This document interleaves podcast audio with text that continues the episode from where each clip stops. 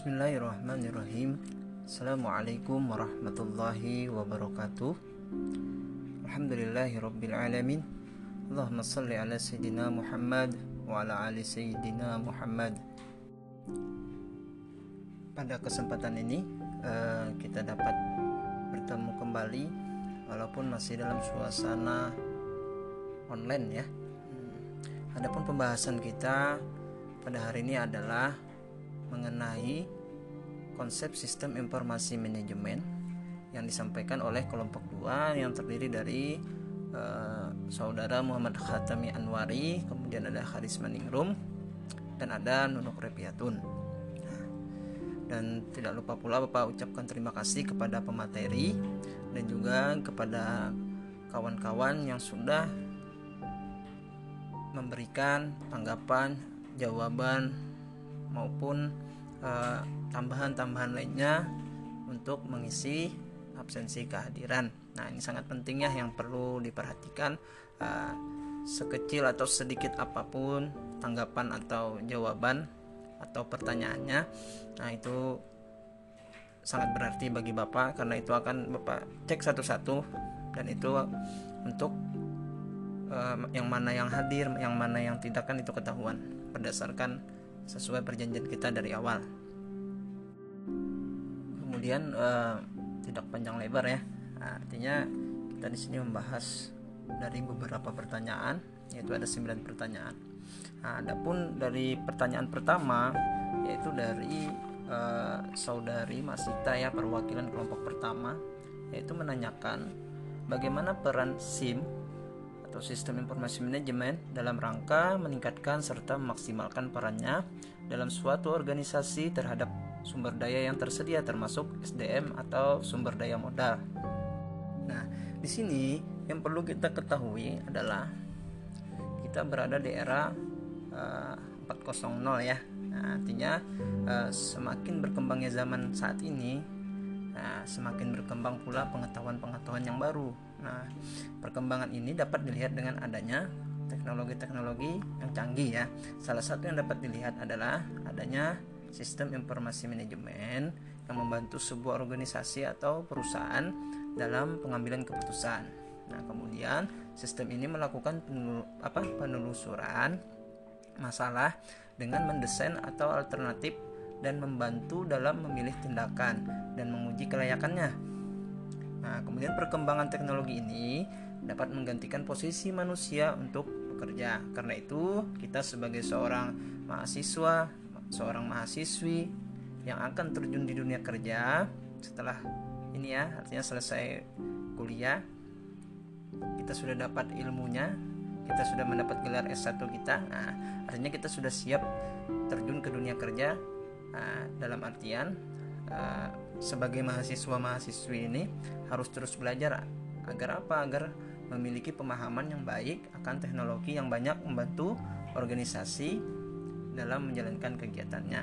Contohnya seperti apa? Contohnya SDM di sebuah organisasi pemerintahan. Kita lihat sangat banyak SDM berbagi apa? berbagi peran di setiap bidang-bidangnya. Nah, kemudian untuk apa? Untuk mendukung kegiatan-kegiatan usaha atau operasional. Kemudian ada lagi contohnya Misalnya ada SDM-nya dengan cara memberikan pelatihan, pengalaman, memberikan pendidikan. Nah, dengan cara itu semua apa? Semoga nantinya SDM ini menjadi profesional dalam menjalankan tugasnya. Nah, dengan apa tadi? Dengan SDM yang baik itu juga akan mendukung persaingan keuntungan strategis. Nah, itu artinya eh, yang modal tadi. Yang perlu kita ketahui kembali itu fungsi sistem informasi manajemen itu apa ya kan? Nah, artinya dengan fungsi sistem ini dengan adanya sistem apa sistem informasi manajemen tersebut nah si manajer atau pimpinan nah, bisa menganalisis bisa menentukan atau memprediksi peluang di masa akan datang nah, mengenai kebutuhan pasar nantinya ya jadi itulah uh, bisa Bapak tanggapi dari pertanyaan saudari Masita perwakilan kelompok pertama. Kemudian ada pertanyaan dari saudari Rizkatun Hasanah dari kelompok 3. Nah, ini berhubungan atau berhubungan saling berhubungan ya dengan pertanyaan Muhammad Ilmi. Pertanyaan Rizkatun Hasanah. Pertanyaannya itu di video dijelaskan bahwa salah satu peran utama dalam sistem informasi adalah sebagai sistem pengambilan keputusan. Nah, bagaimana proses pengambilan keputusan menggunakan sistem informasi manajemen tersebut dan apa saja faktor pendukung yang harus dipertimbangkan? Nah, ini pertanyaan ini saling berhubungan dengan pertanyaan apa saudara Muhammad Ilmi dari kelompok 8 yaitu bagaimana mengaplikasikan dukungan sistem informasi manajemen ini bagaimana pengolahan dalam komputer maupun non komputer secara umum dan sebagainya. Nah, adapun jawaban yang Bapak tambahkan dari jawaban kawan-kawan Bapak gabungkan ya jadi satu. Nah, yang perlu kita ketahui yaitu salah satu fungsi yang sangat penting dalam kepemimpinan nah yaitu pengambilan keputusan artinya seorang pemimpin sebagai apa sebagian besar waktu perhatian maupun pikirannya dipergunakan untuk apa untuk mengkaji proses pengambilan keputusan Nah, semakin tinggi posisi seseorang dalam kepemimpinan organisasi, maka pengambilan keputusan menjadi tugas utama yang harus dilaksanakan. Nah, perilaku dan cara pimpinan dalam pola pengambilan keputusan sangat mempengaruhi perilaku dan sikap daripada stafnya.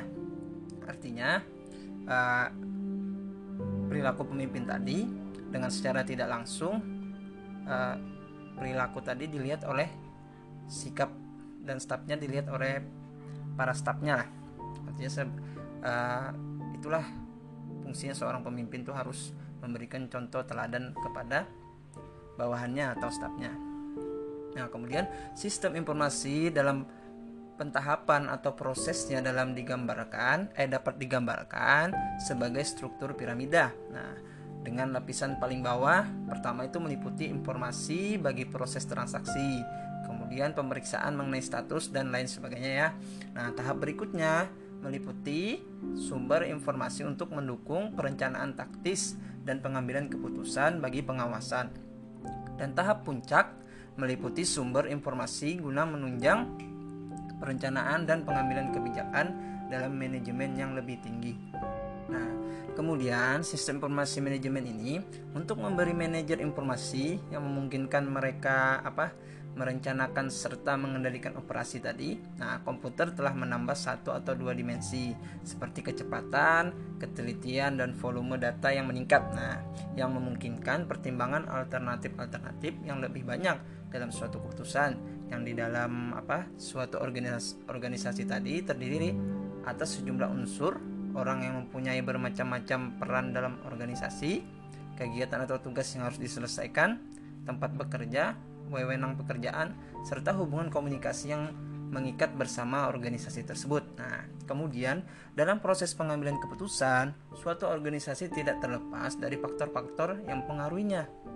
Nah, faktor-faktor apa saja? Nah, yang pertama itu ada posisi atau kedudukan, kemudian itu ada masalah, kemudian ada situasi dan ada kondisi dan tujuan.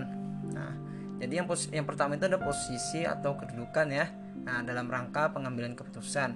Nah, posisi atau kedudukan dapat dilihat dalam hal letak posisi sebagai pembuat keputusan, kemudian ada penentu keputusan atau staf. Nah, kemudian itu ada juga tingkatan posisi sebagai strategi, nah, kemudian peraturan organisasional atau teknis. Nah, yang kedua itu ada masalah. Nah, masalah atau problem adalah uh, yang menjadi penghalang untuk tercapainya tujuan. Nah, artinya yang merupakan penyimpangan dari yang diharapkan.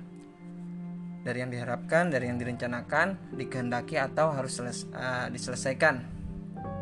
Nah, kemudian masalah ini terbagi dua lagi masalahnya, yaitu masalah uh, yang terstruktur atau masalah yang tidak terstruktur. Nah, kemudian ada yang ketiga itu situasi.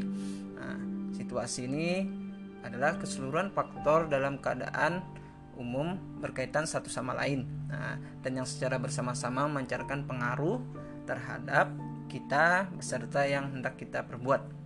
Nah, yang keempat itu ada kondisi. Nah, kondisi di sini adalah keseluruhan faktor yang secara bersama-sama menentukan daya gerak, daya per, apa berbuat atau kemampuan kita. Sebagian besar faktor-faktor tersebut merupakan sumber daya.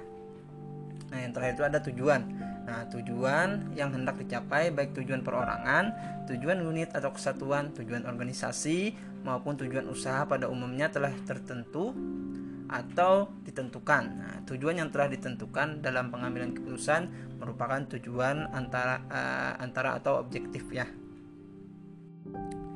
Oke, kita uh, selanjutnya itu ada pertanyaan dari saudari Nurul Jannah perwakilan dari kelompok 4 menanyakan nah, berdasarkan tujuan peran SIM disebut bahwa sistem of management digunakan dalam rangka meningkatkan praktik dari operasi dan produktivitas. Contohkan salah satu bentuk yang menunjukkan peran apa ini ya peran uh, sistem informasi manajemen eh, sistem of management dalam meningkatkan praktik dari operasi-operasi apakah sistem informasi manajemen ini selalu meningkatkan praktik praktik dari uh, operasi-operasi tanpa terkecuali? Nah jadi uh, yang perlu kita ketahui Manajemen produksi dan operasi di sini adalah proses yang menggabungkan dan mengubah berbagai sumber daya dalam subsistem produksi dan operasi sehingga e, bernilai tambah sesu, e, sesuai kebijakan organisasi atau bagian dari sebuah organisasi transformasi berbagai input menjadi produk atau layanan yang memiliki tingkat kualitas yang dipersyaratkan. Jadi, manajemen produksi merupakan rangkaian kegiatan manajemen yang saling berkaitan nah, terkait dengan pembuatan tertentu produk sehingga jika konsep tersebut diperluas ke layanan manajemen maka rangkaian kegiatan manajemen tersebut adalah manajemen operasi kemudian ada sistem informasi eh, sistem operasi ya nah, sistem operasi, operasi sini yaitu mengubah input agar menghasilkan output yang dibutuhkan oleh pelanggan Nah, ini mengubah sumber daya fisik menjadi keluaran yang fungsinya adalah untuk memuaskan keinginan pelanggan untuk menyediakan beberapa utilitas bagi pelanggan. Di beberapa organisasi, produk itu bersifat fisik baik. Nah, seperti hotel ya. Nah, sedangkan di lain itu adalah layanan seperti rumah sakit, layanan bus dan taksi penjahit rumah sakit misalnya dan pembangunan adalah contoh sistem operasi. Nah, Operasi didefinisikan sebagai keterkaitan antara misi organisasi, teknologi, dan proses manusia dan manajerial. Nah, operasi dalam suatu organisasi dapat eh, kita kategorikan menjadi operasi manufaktur dan operasi layanan. Nah, operasi manufaktur adalah proses konversi yang menjadi yang menjadi atau yang mencakup manufaktur yaitu menghasilkan keluaran yang nyata sebagai e, sebuah produk sedangkan proses konversi yang mencakup layanan menghasilkan keluaran tidak berwujud seperti akta kinerja dan usaha nah kemudian ada namanya itu manajemen produksi ya manajemen produksi di sini adalah proses perencanaan pengorganisasian pengarahan dan pengendalian kegiatan fungsi produksi. Ini menggabungkan dan mengubah berbagai sumber daya yang digunakan dalam subsistem produksi organisasi menjadi produk bernilai tambah secara terkendali sesuai sesuai apa sesuai kebijakan organisasi. Nah, kemudian tujuan manajemen produksi ini untuk menghasilkan barang dengan kualitas dan kuantitas yang tepat pada waktu yang tepat dan biaya produksi yang tepat. Nah, kualitas produk dibuat berdasarkan kebutuhan pelanggan, kualitas yang tepat belum tentu kualitas terbaik. Nah, hal ini ditentukan oleh biaya produk dan karakteristik tek, apa teknis yang sesuai dengan persyaratan spesifik. Mungkin itu ya uh, untuk jawaban atau tambahan dari Bapak, kesimpulan dari Bapak dari jawaban kawan-kawan atas pertanyaan saudari Nurul Jannah. Selanjutnya itu ada pertanyaan dari saudara kita yaitu Muhammad Rafif Nah, di sini menanyakan berdasarkan pengertian sistem informasi manajemen, bagaimana proses dalam membentuk sistem antara manusia dengan teknologi yang berdasarkan pada prinsip-prinsip manajemen. Nah, ini sudah kita lihat juga dari uh, apa tambahan-tambahan jawaban dari kawan-kawan.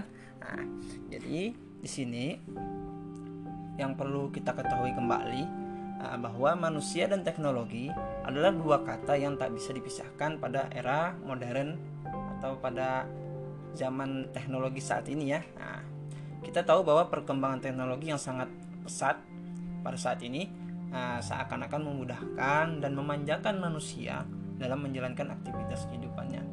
Coba kita lihat zaman sekarang sedikit-sedikit kita megang HP mau ini mau itu kita bisa menggunakan handphone. Tinggal klik tinggal pesan barang datang. Nah, gitu.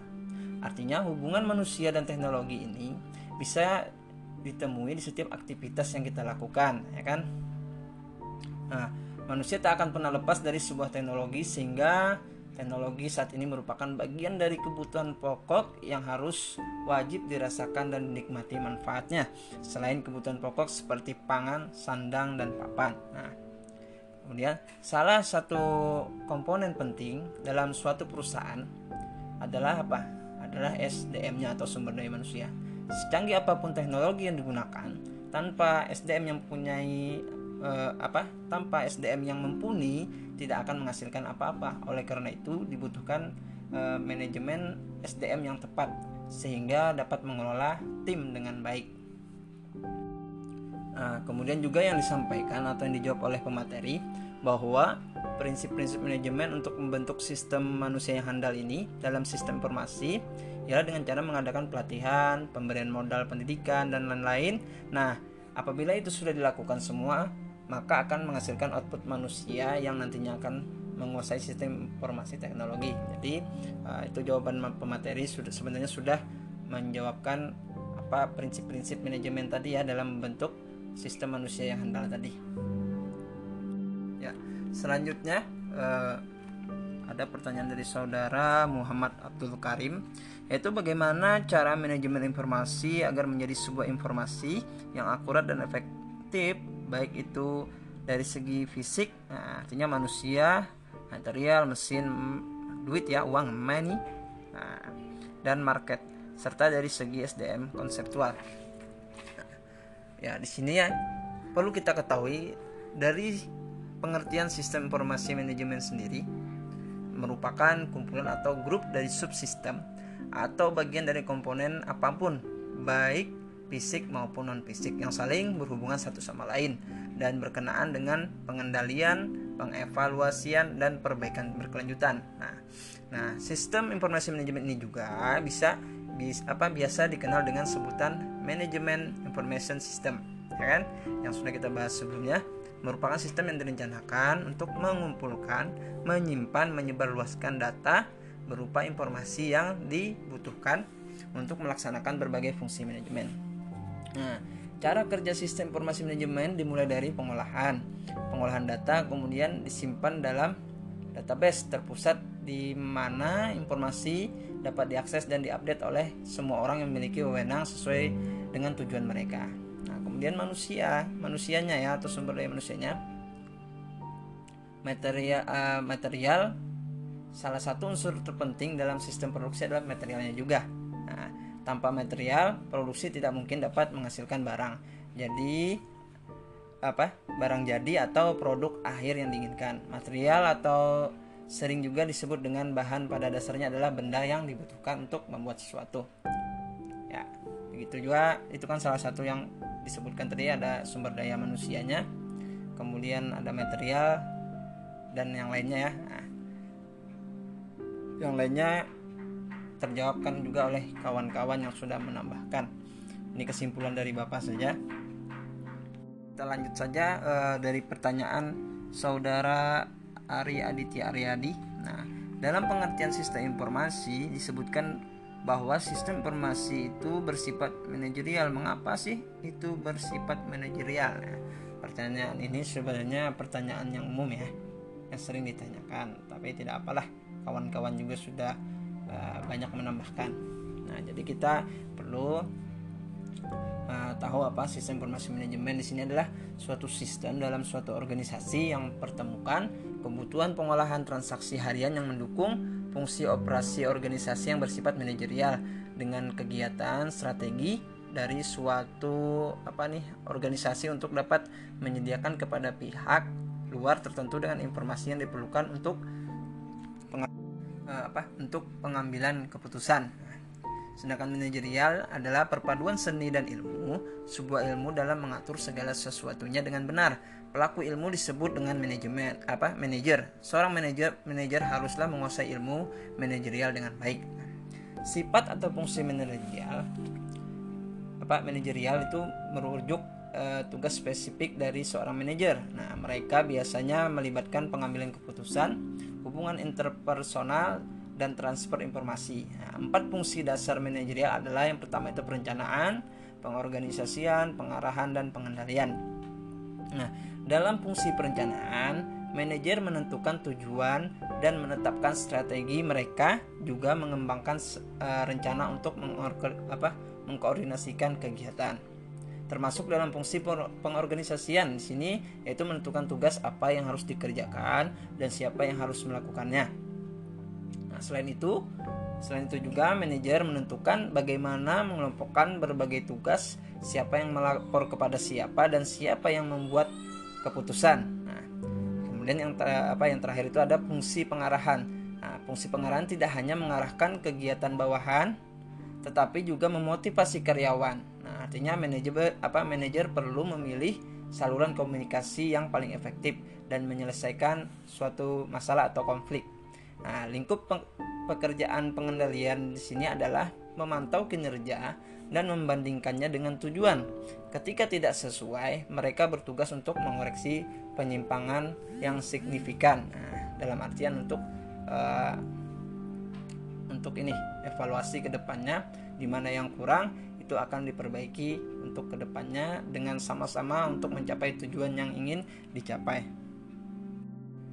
Ya mungkin cukup ya. Uh, selanjutnya kesimpulan dari pertanyaan dari Saudari Gina Saadah perwakilan dari kelompok 9 berikan contoh peran sistem informasi manajemen untuk mencapai keunggulan kompetitif secara sehat dalam sebuah organisasi.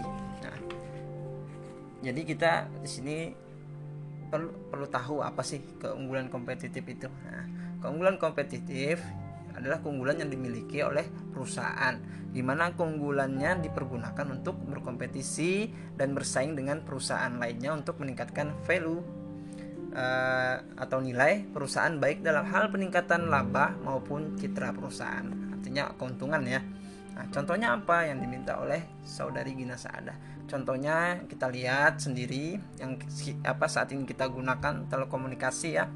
Nah, contoh perusahaan-perusahaan telekomunikasi berusaha untuk mendapatkan konsumen sebanyak-banyaknya.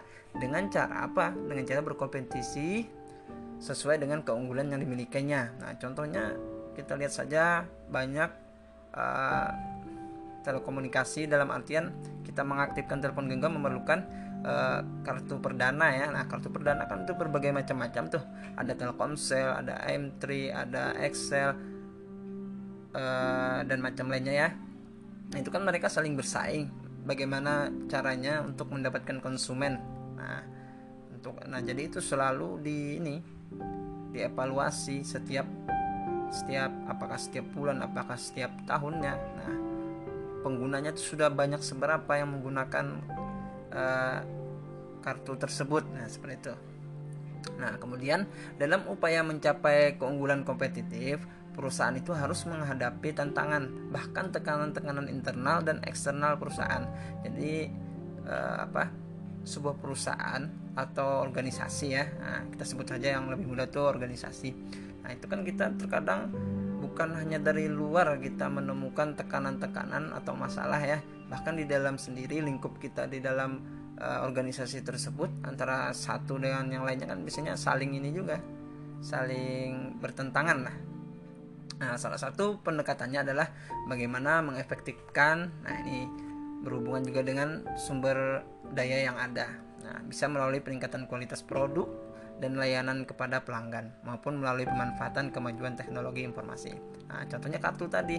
Jadi ber apa aja apa bahasanya sekarang itu yang mana yang lebih murah itu yang lebih banyak orang memakai biasanya kan apalagi kayak kita lihat kuota-kuota sekarang ya, kuota internet sekarang lebih mudah untuk didapatkan nantinya dengan biaya yang lebih murah.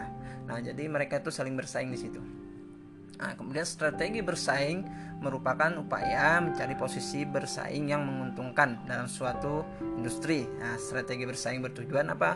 Membina posisi yang menguntungkan dan kuat dalam melawan kekuatan yang menentukan persaingan dalam dalam apa industri.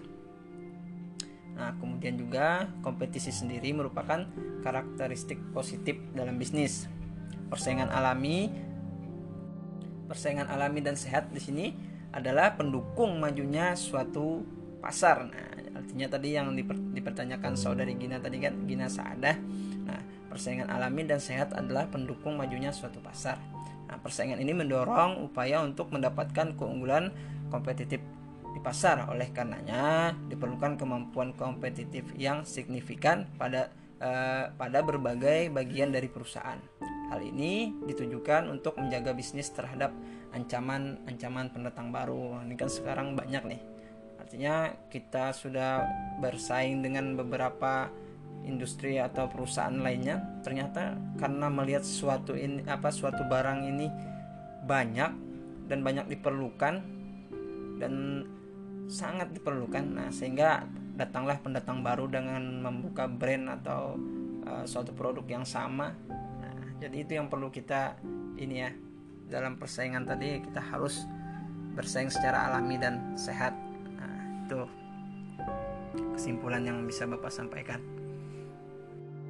Ya mungkin kesimpulan terakhir dari pertanyaan saudara siapa ya? Saudara Ahmad Helmi ya perwakilan dari kelompok 10 nah, Saudara Ahmad Helmi menanyakan strategi apa yang digunakan melalui adanya sistem informasi manajemen dalam perusahaan agar suatu koordinasi dapat menghasilkan SDM yang berkualitas. Nah, di sini Ahmad Helmi juga memberikan contohnya ya. Nah, mungkin juga kawan-kawan sudah Bapak lihat jawaban-jawabannya. Dan di situ Bapak mengabsensi ya. Nah, perlu diingatkan kembali dengan jawaban yang sesingkat atau uh, masukan apa pun itu Artinya Anda-anda berhadir di perkuliahan ini. Yang perlu kita ketahui di sini ada banyak manfaat dan fungsi dari sistem informasi manajemen. Nah, yang perlu kita ketahui juga, fungsi dari sistem ini tidak terbatas pada pihak manajemen saja, melainkan juga bagi organisasi secara keseluruhan. Nah, di sini ada beberapa uh, yang disampaikan yaitu pertama uh, apa tadi untuk bagi organisasi ya secara keseluruhan. Yang pertama meningkatkan produktivitas serta penghematan dalam biaya dalam organisasi. Nah, yang kedua meningkatkan kualitas dari SDM atau sumber daya manusia dikarenakan unit sistem kerja akan lebih terko terkoordinasi serta sistematis. Kemudian mempermudah pihak manajemen dalam melakukan pengawasan perencanaan pengarahan serta pendelegasian kinerja pada semua departemen yang mempunyai koordinasi dan hubungan. Nah, selanjutnya itu ada meningkatkan efisiensi serta efektivitas data yang lebih real time dan akurat. Nah, strategi pengembangan SDM ini dapat berjalan dengan baik apabila disertai dengan program pengembangan SDM yang direncanakan dengan matang sehingga diharapkan mampu membantu tercapainya tujuan dalam menghasilkan sumber daya manusia yang berkualitas. Nah, kemudian yang ditanyakan juga strategi pengembangan SDM yang dapat dilakukan oleh perusahaan adalah pertama itu e, memberikan kesempatan pada setiap karyawan untuk menyalurkan ide dan gagasan pribadi mereka. Karena di dalam suatu perusahaan itu karyawan juga berkontribusi apa berkontribusi dalam mengembangkan perusahaan atau sebagai roda penggerak suatu perusahaan sehingga ide dan gagasan dari setiap karyawan juga perlu didengarkan dan dipertimbangkan. Nah, kemudian strateginya itu memberikan penghargaan atau reward uh, kepada karyawan yang bertujuan untuk membuat karyawan lainnya agar termotivasi untuk dapat menjadi lebih baik dengan berdasarkan reward tadi juga. Nah, hal tersebut nantinya akan memberikan kontribusi besar terhadap perusahaan dalam mengembangkan perusahaan. Jadi juga rewardnya atau apa penghargaan tadi ya sangat penting. Jadi secara tidak langsung memotivasi karyawan yang lain untuk mendapatkan artinya bersaing juga untuk mendapatkan penghargaan tadi. Nah, tapi dengan cara yang sehat ya. Nah, kemudian yang terakhir itu strateginya yang bisa kita sampaikan yaitu mengadakan program pelatihan bagi karyawan. Nah, ada beberapa jenis pelatihan dan pengembangan SDM yang dapat dilakukan. Di antaranya adalah skill training, nah, retraining atau pelatihan ulang, kemudian ada cross functional training, kemudian team training dan uh, creativity training. Nah, itu berbagai macam apa pelatihan ya uh, untuk tujuannya mengembangkan sumber daya manusia tadi. Nah mungkin uh, kesimpulan dari kelompok 2 cukup dari bapak. Kalau ada kekurangan atau uh, masih ada kurang nanti bisa kita diskusikan kembali sekali lagi Bapak ucapkan terima kasih kepada kelompok 2 sudah menyampaikan materinya dan juga kawan-kawan yang sudah menambahkan bahkan uh, apa menambahkan maupun menyanggah pertanyaan-pertanyaan yang yang mana pertanyaan itu masih kurang ya bahkan ditambahkan oleh kawan-kawan. Ya, mungkin cukup uh, saya akhiri dengan mengucapkan alhamdulillah kita akhiri dengan mengucapkan alhamdulillah. Kita tutup. Assalamualaikum warahmatullahi wabarakatuh